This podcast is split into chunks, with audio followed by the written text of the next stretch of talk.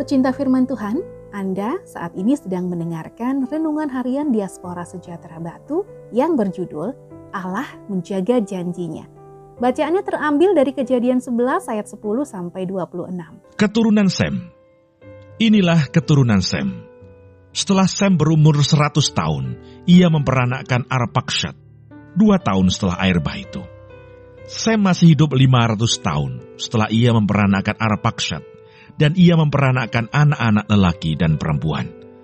Setelah Arpakshat hidup 35 tahun, ia memperanakkan Selah.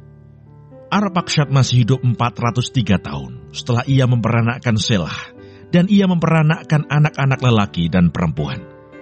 Setelah Selah hidup 30 tahun, ia memperanakkan Eber. Selah masih hidup 403 tahun setelah ia memperanakkan Eber, dan ia memperanakkan anak-anak lelaki dan perempuan.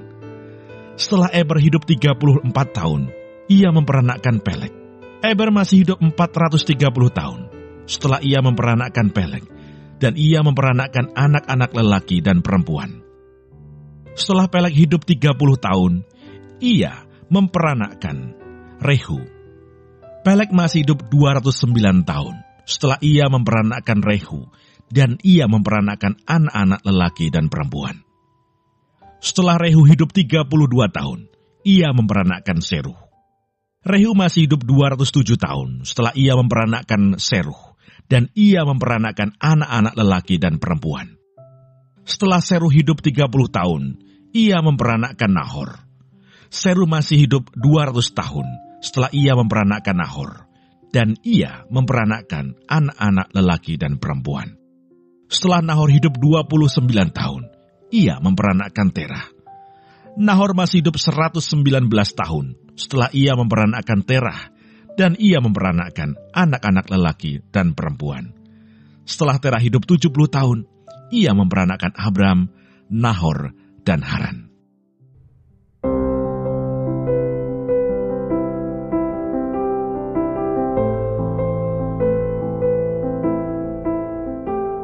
Setelah Terah hidup 70 tahun, ia memperanakkan Abram, Nahor, dan Haran.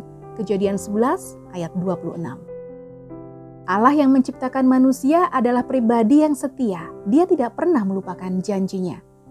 Dalam peristiwa kejatuhan manusia, Allah menubuatkan kedatangan Mesias yang akan membebaskan manusia dari perbudakan dosa pada kejadian 3 ayat 15 yang disebut dengan Proto-Evangelion atau Injil pertama kali dalam Alkitab. Bukti bahwa Allah memelihara janjinya adalah ketika Allah memelihara keturunan Sem mulai dari Arpaksat sampai Terah yang jadi bapak Abram.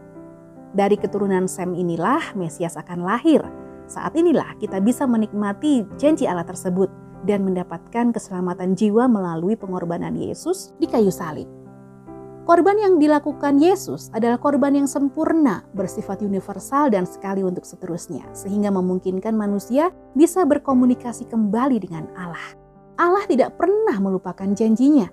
Dia akan menepati sesuai dengan waktu yang terbaik baginya. Lalu sekarang, bagaimana respon kita terhadap janji Allah yang telah digenapi tersebut? Sejauh mana kita meresponi dan bertanggung jawab dengan pemberian Tuhan tersebut? Kiranya kita didapati Tuhan sedang bertanggung jawab dengan cara mengerjakan keselamatan yang sudah Tuhan berikan dan mempertahankannya sampai akhir hidup di dunia. Hai saudara-saudaraku yang kekasih, kamu senantiasa taat. Karena itu tetaplah kerjakan keselamatanmu dengan takut dan gentar, bukan saja seperti waktu aku masih hadir, tetapi terlebih pula sekarang waktu aku tidak hadir. Filipi 2 ayat 12. Tuhan Yesus memberkati.